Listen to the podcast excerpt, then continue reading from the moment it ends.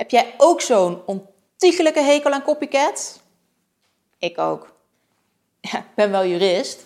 En jurist voor de intellectuele eigendom, zoals auteursrecht. Maar ook ik heb last van copycat, kan ik je vertellen. Kan ik er altijd wat tegen doen? Nee. In deze video leg ik uit wat het verschil is tussen ideeën overnemen en je laten inspireren of echt inbreuk maken op het auteursrecht van iemand anders. Charlotte, de social media jurist van Nederland. Ja, copycat. Als dat niet de grootste frustratie is van mensen die zelf wel heel creatief en origineel zijn, die makers zijn, dat je dan opeens een ander ziet die doet wat jij ook doet. Ja, daar wil je toch wat tegen kunnen doen. Ik bedoel, stel dat je nou eh, eh, de eerste bent die Instagram-cursussen heeft bedacht, zoals eh, Charlotte van het Woud. Ja, tof idee. Dat idee mag dus iedereen overnemen. Het kan zelf zo zijn dat er dan onderwerpen zijn die voor meerdere mensen interessant zijn en dat iedereen daar gewoon een beetje zijn eigen draai aan geeft. Kun je dan weinig tegen doen. Iedereen mag een Instagram-cursus maken over hetzelfde onderwerp. Zolang de exacte inhoud maar anders is.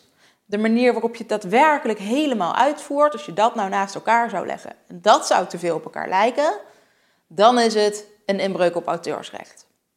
Zo kreeg ik ook eens een mailtje van iemand die zei: Ja, en de cadeaubon die ik ontworpen heb voor een klant, volledig gekopieerd. Eén op één gekopieerd. In principe, als ik hoor dat je zegt één op één gekopieerd, dan denk ik dat er echt wel wat aan de hand is. Dat dat een inbreuk is op het auteursrecht. En dat mag niet. Maar wat zag ik nou? Goed, de cadeaubonnen hadden allebei min of meer dezelfde afmetingen.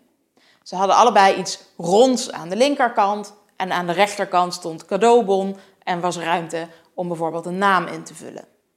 Maar de stijl was verder wel wat anders. Andere lettertypes, eh, net wat andere kleuren. Het een was meer een rondje, het ander was meer een soort stempelvorm.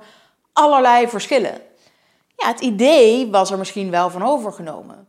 Maar ja, om heel eerlijk te zijn, er zijn wel meer cadeaubonnen met iets ronds aan de linkerkant en rechtse ruimte om nog wat te kunnen schrijven. Dit was dus geen inbreuk op het auteursrecht.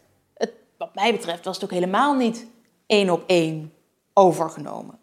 Nou, misschien heb je het ook wel meegekregen uh, van die meiden met de lazy plants en de hema-bladeren.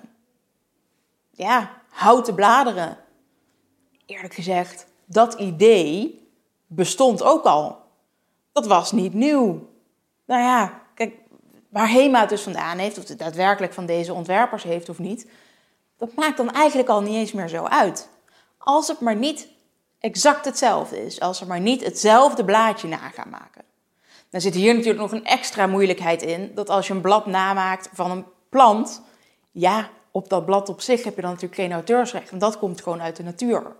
Dus dan zou het echt gaan om de toevoegingen en de andere keuzes die je hebt gemaakt, die dus de natuur niet zelf heeft bedacht, die zorgen dat dat blad dan opeens wel creatief zou worden. Dus copycats, ja, ze zijn hartstikke vervelend. Maar als ze alleen maar een idee overnemen of een stijl overnemen, dan kan het best zijn dat je daar jouw idee en jouw stijl hartstikke in herkent. En dat het heel erg vervelend is. En dat die copycat daardoor misschien opeens wel een concurrent van je wordt. Dat kan allemaal waar zijn. En ik begrijp je frustratie.